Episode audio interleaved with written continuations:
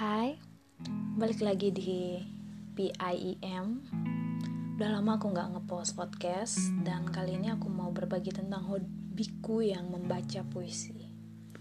Jadi kali ini aku mau bacain puisiku Yang judulnya Aku Masih Belajar. Aku masih belajar cara mencintaimu. Aku masih belajar tentang perasaanmu. Di saat aku masih belajar tentangmu, kamu membuatku menjadi rumit. Karena kini aku harus belajar cara mengikhlaskanmu. Terima kasih.